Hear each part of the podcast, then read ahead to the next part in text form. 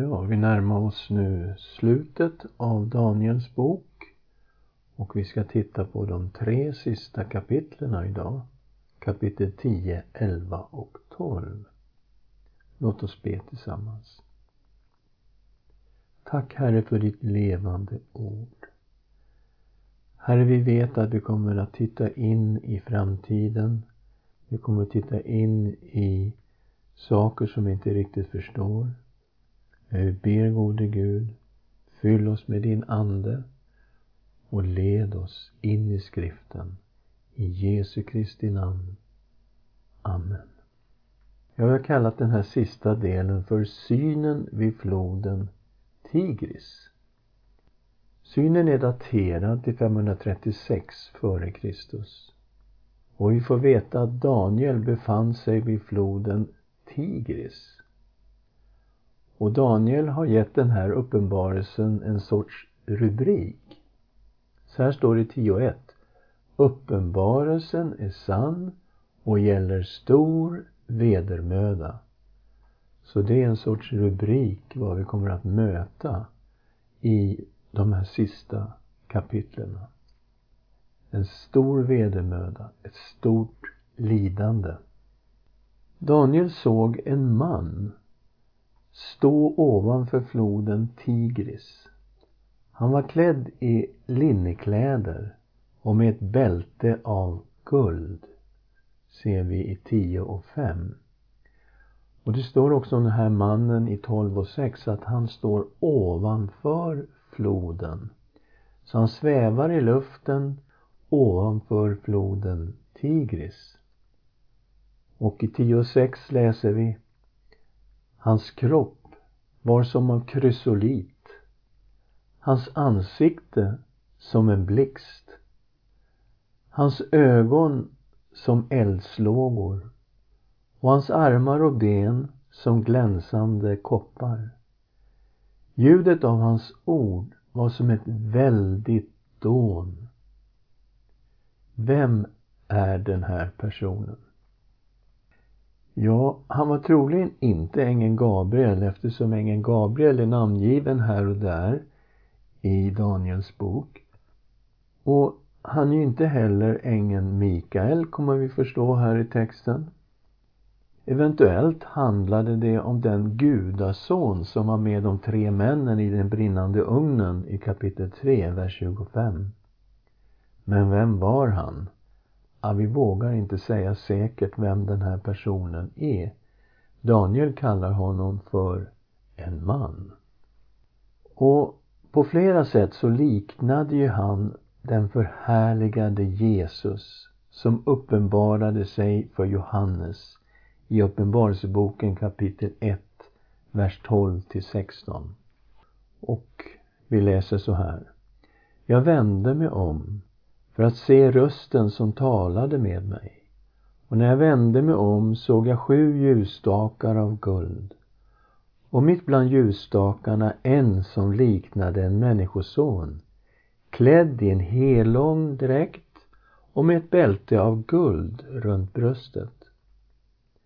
Hans huvud och hår var vitt som vit ull, som snö och hans ögon var som eldslågor. Hans fötter liknade skinande brons som glöder i smältugnen och hans röst var som dånet av väldiga vatten. I sin högra hand höll han sju stjärnor och ur hans mun kom ett skarpt tvegat svärd och hans ansikte var som solen när den lyser i all sin kraft. Så vi ser ju här väldiga likheter. Och männen som var med Daniel vid det här tillfället, ja, de såg inte den här mannen. Men de blev så rädda så de flydde från platsen, får vi veta i kapitel 10, vers 7. Vad hände med Daniel då? Ja, han tappade all kraft. Han föll ihop. Men han restes upp och mannens ord styrkte honom. Och det här är ju också en direkt parallell på Johannes reaktion inför Jesus i Uppenbarelseboken 1, vers 17 och 18. När jag såg honom föll jag ner som död för hans fötter. Men han la sin hand på mig och sa Var inte rädd. Jag är den förste och den siste och den levande. Jag var död och se, jag lever i evigheters evighet och jag har nycklarna till döden och helvetet. Vad har han för funktion, den här mannen? Ja, man får ett intryck av att det pågick en kamp i andevärlden. Vi får veta att så snart Daniel hade börjat be så hade den här mannen fått order om att ge sig iväg till Daniel. Men vi får veta att det tog tre veckor att komma fram. Mannen hade mött på motstånd av Persiens förste. Och vi förstår att det är ingen vanlig förste på det sättet utan det är någon sorts andlig förste. Och mannen fick då hjälp av Mikael får vi veta i 10 och 13. Och vi vet att Mikael här, det är ju ängeln Mikael. Och efter synen skulle mannen kämpa igen mot Persiens furste. Och sen skulle försten över Grekland komma, får vi veta i 10 och 20. Vi läser den versen. Då sa han, förstår du varför jag kommit till dig? Men jag måste strax vända tillbaka och kämpa mot försten över Persien. Och när jag drar bort från honom kommer försten över Grekland. Men jag vill berätta för dig vad som står skrivet i sanningens bok. Ingen enda hjälper mig mot dessa utom Mikael, er förste, alltså den som är försten över judarna. Det är Mikael, får vi veta här och vi får också veta det i kapitel 12, vers 1. Så det ger ju ett intryck av att här pågår en kamp i andevärlden innan den faktiska historien sker. Så vi kan summera lite grann så här. Mannen som uppenbarade sig då för Daniel han hade kämpat mot försten över Persien i tre veckor enligt 10 och 13. Han skulle kämpa mer mot honom enligt 10 och 20. Sen skulle Greklands förste komma vi får också veta i kapitel 11, vers 1 att han hade hjälpt Mikael under Medien Dariavers första regeringsår. Han hade stärkt honom och skyddat honom. Och då vet vi att Mikael var alltså försten för judarna. Det hände väldigt mycket det året. Det var det året som Mediska och Persiska riket intog hela det babyloniska riket. Men det var också det året som judarna fick tillåtelse att återvända till sitt land. Och sen är det mannen som står här då och talar med Daniel och berättar vad som kommer att ske i framtiden när det gäller Persien och Grekland. Och det är vad vi ser i 11, 2 till 4. Så i den faktiska historien så var ju nu det persiska riket etablerat och Daniel fick veta att den fjärde kungen i Persien skulle bli rikast och mäktigast och att han en dag skulle anfalla Grekland. Vi läser 11 och 2. Nu ska jag berätta sanningen för dig. Tre kungar ska uppstå i Persien och den fjärde ska bli rikare än någon av de andra.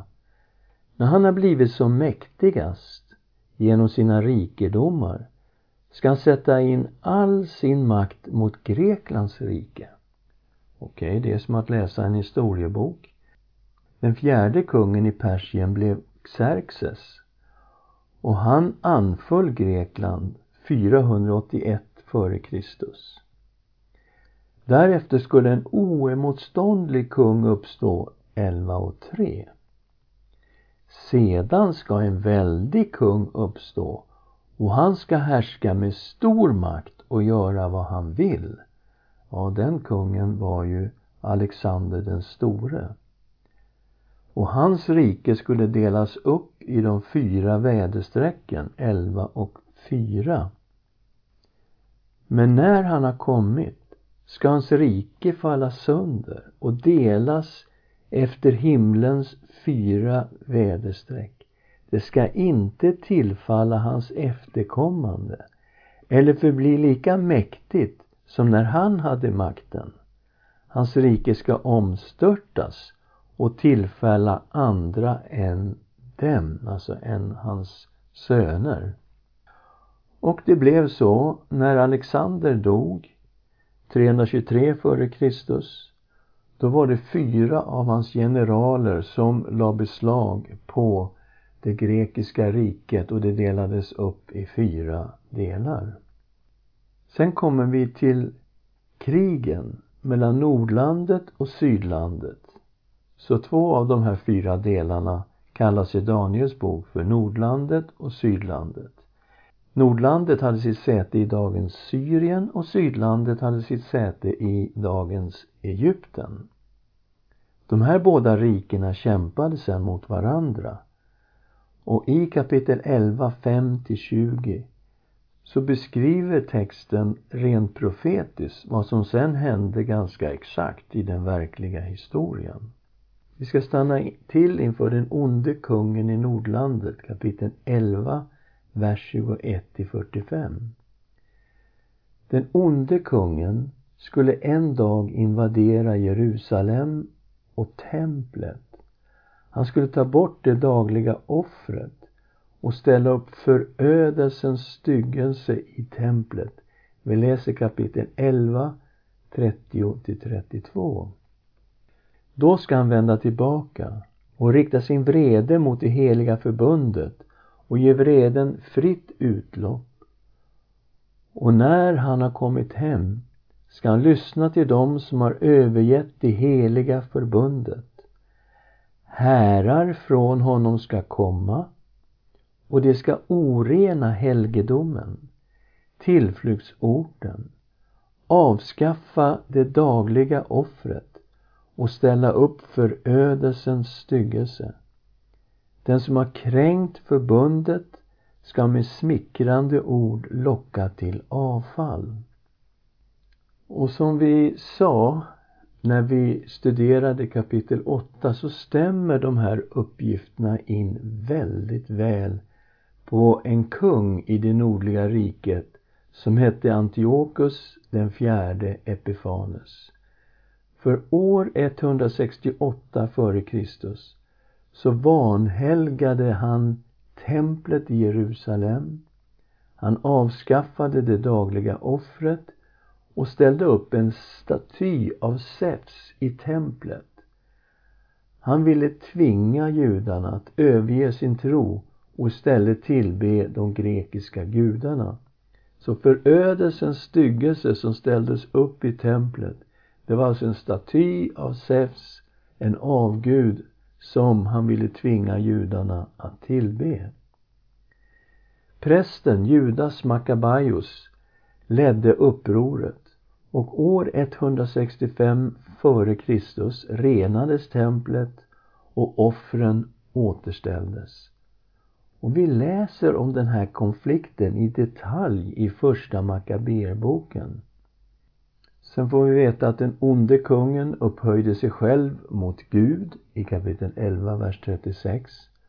Men till slut skulle han stoppas och gå under. Kapitel 11, vers 45. Och vi ska stanna till lite inför den här onde kungen, Antiochus den fjärde Epifanes och titta på det här i ljuset av kapitel 9 som vi läste förra gången. Ska titta på 9, 26 och 27. Men efter de 62 veckorna Alltså först skulle det komma 7 årsveckor och sen skulle det komma 62 årsveckor. Vi räknade på det här förra gången och kom fram till att de här årtalen pekar på en tid när Jesus trädde fram. Men efter de 62 veckorna ska den smorde förgöras. Det är alltså Messias som ska förgöras, helt utblottad. Men sen ska något mer hända efter de 62 veckorna. Staden och helgedomen ska förstöras av folket till en förste som kommer. Okej, okay, vi vet att Jesus talade om att staden och helgedomen skulle förstöras. Och vi vet att det hände i Jerusalem år 70 efter Kristus. Den här försten får vi nu veta lite mer om. Men slutet kommer som en störtflod. Ända till slutet ska det råda krig. Förödelse är fast besluten. Han, alltså den onde kungen, ska stadfästa ett förbund med de många under en vecka. Och mitt i veckan ska han avskaffa slaktoffer och matoffer. Och på styggelsens vinge ska förödaren komma till dess att förstöring och fast beslutad straffdom utgjuts över förödaren. Så det är flera saker här. Men vi ser också då att det här skulle kunna tolkas in till viss del på den här kungen som avskaffade då offer i Jerusalem som vi har mött nu i elfte kapitlet och vers 31. Där vi läste så här.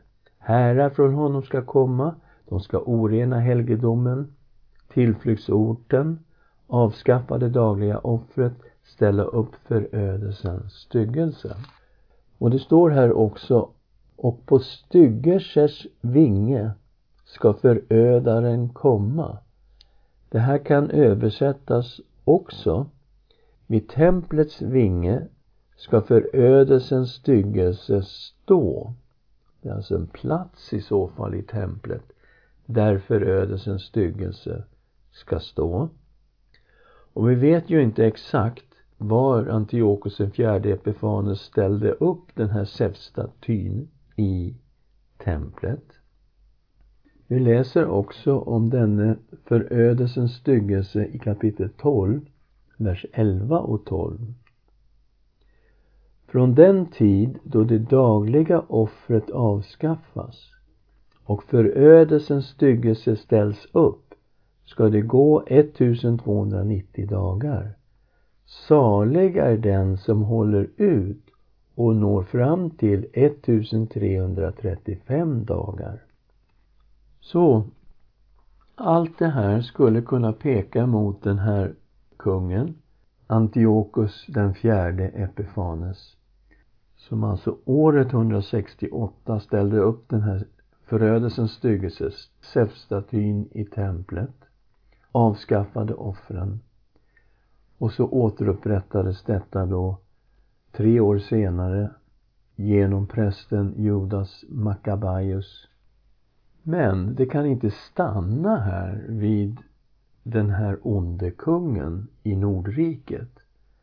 Därför att Jesus kom sen och tog upp samma teman och talade också om templets förstöring i Matteus 24, Markus 13 och Lukas 21.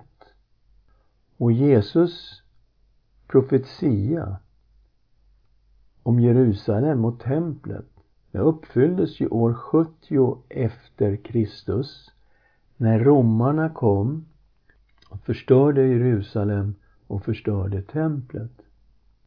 Men den här förödelsens styggelse, ja, Josefus, han var en judisk historieskrivare som faktiskt var ögonvittne till Jerusalems fall år 70.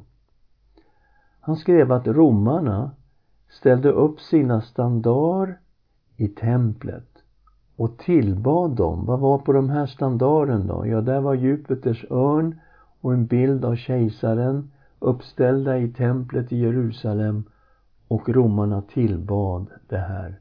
Stämmer ju väldigt väl in på förödelsens styggelse. Vi går vidare. Vi kommer till tolfte kapitlet, vers 1. På den tiden ska Mikael träda fram, den store försten, som står som försvarare för dina landsmän. Det kommer en tid av nöd som inte haft sin like ända från den dag då folken blev till och fram till den tiden. Så det handlar om en mycket stor vedermöda som ska komma. En nöd som ska komma. Och det liknar väldigt mycket det som Jesus sa när han tog så mycket av det som står här i Daniels bok och undervisade om det. Vi ska titta lite grann på vad Jesus sa när det gäller templets förstöring i Matteus 24, vers 1-3. När Jesus lämnade templet och var på väg ut kom hans lärjungar för att visa honom på tempelbyggnaderna. Men han sa till dem, ni ser allt detta, jag säger er sanningen. Här ska inte lämnas sten på sten. Allt ska rivas ner. Okej, okay, så Jesus förutsäger att templet kommer att raseras i grunden. Vers 3. När Jesus satt sig på Olivberget och lärjungarna var ensamma med honom kom de fram till honom och frågade, säg oss, när ska detta ske? Och vad blir tecknet på din återkomst och den här tidsålderns slut? Så det är två frågor här. När ska det här ske? Kan du berätta lite mer om vad som händer? Och vad blir tecknet när du ska komma tillbaka och den här tidsåldern tar slut? Och väldigt mycket av det Jesus undervisar om här har att göra med templets förstöring. Vi läser vers 15 till 22. När ni ser förödelsens styggelse som profeten Daniel talar om, stå på helig plats. Här har vi det. Det här är alltså ett tecken, när ni ser den här styggelsen som Daniel talade om, stå på helig plats. Läsaren bör förstå det rätt. Då måste de som är i Judeen fly upp till bergen. Den som är på taket ska inte gå ner för att hämta något från sitt hus och den som är på åken ska inte vända tillbaka för att hämta sin mantel. Ve dem som väntar barn eller ammar i de dagarna. Be att ni inte måste fly under vintern eller på sabbaten. För då ska det bli en så stor nöd att något liknande aldrig förekommit från världens begynnelse ända fram till nu och inte heller ska komma. Hade inte den tiden förkortats skulle ingen människa bli frälst. Men för de utvalda skull kommer den tiden att förkortas. Och Josefus, historieskrivaren, talade om en enorm nöd i samband med Jerusalems förstöring. Enligt honom så dödades 1 347 000 personer. 97 000 judar blev fångar och 11 000 svalt ihjäl. Vi alltså ser framför oss en fruktansvärd situation i samband med att Jerusalem föll. Och hur gick det för de troende då? Ja, enligt den kristna traditionen så klarade sig den kristna församlingen i Jerusalem på grund av det som Jesus hade sagt. I Lukas 21 får vi läsa att Jesus sa att när ni ser främmande härar som belägrar staden, då ska ni fly upp i de judeiska bergen. Och det är precis vad de kristna gjorde. Att när romarna ockuperade Jerusalem så flydde de kristna därifrån eftersom Jesus hade talat om vad som skulle hända. Men det fanns ju också en fråga här i Matteus om tecknen för hans återkomst. Och då förstår vi att det ligger någonting i framtiden också i det som Jesus säger. Så vi går tillbaks till Daniel kapitel 12 och tittar steg för steg kapitel 12, 1 till 3.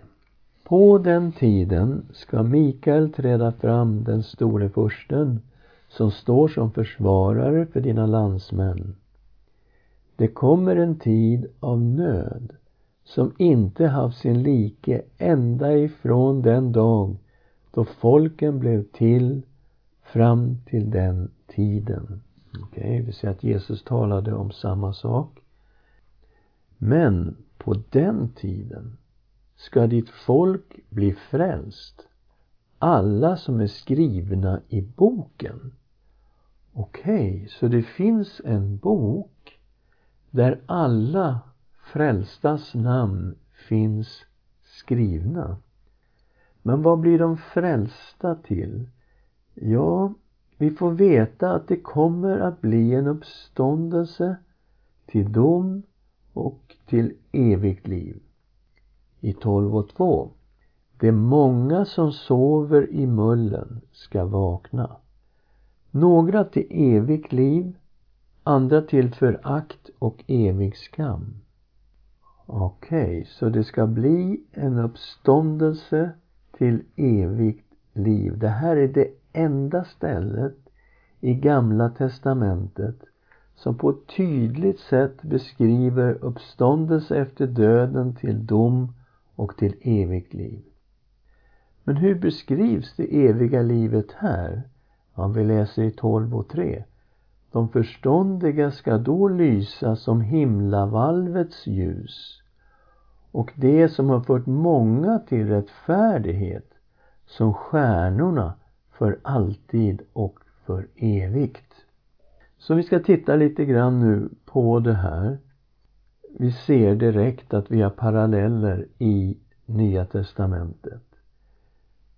De som var skrivna i boken skulle bli frälsta. Det är precis vad vi uppfattar i Uppenbarelseboken kapitel 20, vers 11 till 15. Och här ser vi ju den slutliga domen. Och jag såg en stor vit tron och honom som satt på den. För hans ansikte flydde jord och himmel och det fanns ingen plats för dem. Och jag såg de döda, stora och små, stå inför tronen och böcker öppnades och ännu en bok öppnades, Livets bok. Och de döda dömdes efter sina gärningar, efter det som såg skrivet i böckerna. Och havet gav igen de döda som fanns i det. Och döden och helvetet gav igen de döda som fanns i dem. Alltså helvetet egentligen dödsriket. Hades. Och var och en dömdes efter sina gärningar. Och döden och dödsriket, Hades alltså, kastades i eldsjön. Detta, det vill säga eldsjön, är den andra döden. Och om någon inte fanns skriven i Livets bok kastades han i Älvsjön. Okej, okay, så det finns en bok där de frälstas namn är skrivna och det är helt nödvändigt att vara skriven i den boken, att vara frälst genom Jesus Kristus för att få vara med om det nya livet som då kommer i kapitel 21 och 22 i Uppenbarelseboken. Och vi läste också här i Daniel 12 och 2 att de många som sover i mullen ska vakna. Några till liv och andra till förakt och evig skam. Och det här är ju väldigt likt det Jesus undervisar om i Johannes kapitel 5. Här får vi veta att Fadern inte dömer någon utan har överlämnat hela domen åt Sonen för att alla ska ära Sonen som de ärar Fadern. Den som inte ärar Sonen ärar inte heller Fadern som har sänt honom. Så han är domaren över levande och döda. Och i vers 28 läser vi Var inte förvånad över detta. Det kommer en tid när alla som ligger i gravarna ska höra hans röst och komma ut. Det som har gjort gott ska uppstå till liv. Det som har gjort ont ska uppstå till dom. Det är exakt som det står här i Daniel 12 och 2. Och Jesus säger att det är han som ska kalla ut de döda ur gravarna. Det ska bli en dom till liv och till fördömelse.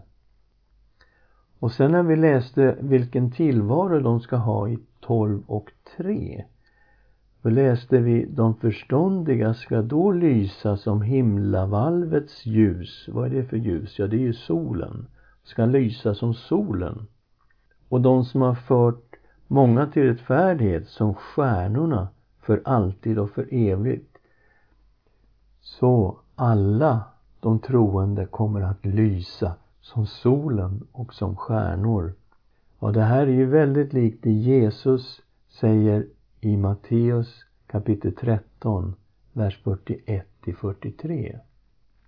Och här förklarar Jesus liknelsen om vetet och ogräset och att det ska bli en skörd vid tidens slut. Vi läser vers 41. Människosonen ska sända ut sina änglar och de ska samla ihop ur hans rike allt som förleder och alla som gör orätt och kasta dem i den brinnande ugnen. Där ska man gråta och gnissla tänder. Då ska de rättfärdiga lysa som solen i sin fars rike. Hör, du som har öron. Okej, okay, så här har vi bilden exakt tagen direkt ur Daniel 12 och 3.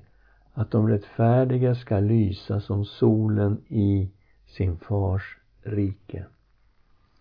Vi går vidare i Daniel 12 och tittar på den sista tiden.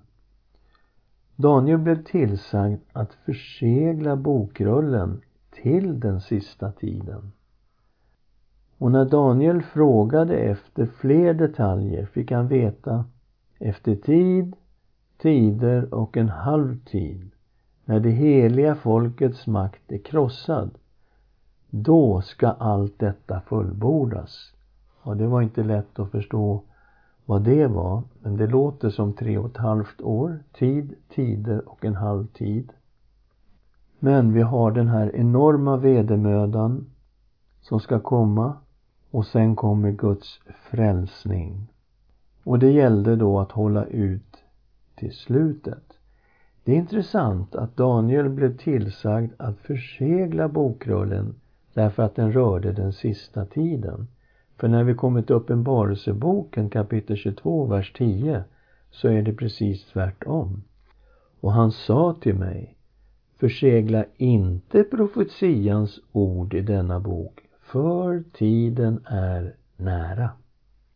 Och i kapitel 12 i Daniels bok, vers 8 till 10 får vi reda på att de rena och de ogudaktiga skulle fortsätta att leva sina liv till domen. Vi läser kapitel 12, vers 8 till 10. Jag hörde det men förstod inte så jag frågade min herre, vad blir slutet på detta? Då sa han, gå Daniel, för dessa ord ska förbli gömda och förseglade till den sista tiden. Många ska bli renade och tvättade och luttrade. Men de ogudaktiga ska utöva sin ogudaktighet. Ingen ogudaktig ska förstå detta, men de förståndiga ska förstå det. Och det här blir ju då väldigt likt som vi läser i Uppenbarelseboken 22, vers 11. Den orättfärdige ska fortsätta att göra orätt och den orene fortsätta att orena sig. Och den rättfärdige ska fortsätta att göra det rätta och den helige fortsätta att helga sig. Och så slutar boken med ett personligt löfte till Daniel. Han skulle få vara med vid den här slutliga uppståndelsen. Vi läser kapitel 12, vers 13. Men gå du bort tills slutet kommer. Sedan du har vilat ska du uppstå och få din lott vid dagarnas slut. Låt oss be tillsammans. Tack Herre för att du vet vad som kommer att hända i framtiden. När vi läser i Daniels bok så ser vi profetier om den nära framtiden som gick i bokstavlig uppfyllelse. Vi ser profetier som ligger några hundra år fram i tiden som också gick i bokstavlig uppfyllelse. Vi ser profetier om dig, Herre Jesus, hur du skulle komma och föra fram frälsning och evig rättfärdighet och försoning och förlåtelse och hur du skulle offras. Allt det här står i Daniels bok och till och med tidsangivelser som pekar på när detta skulle ske.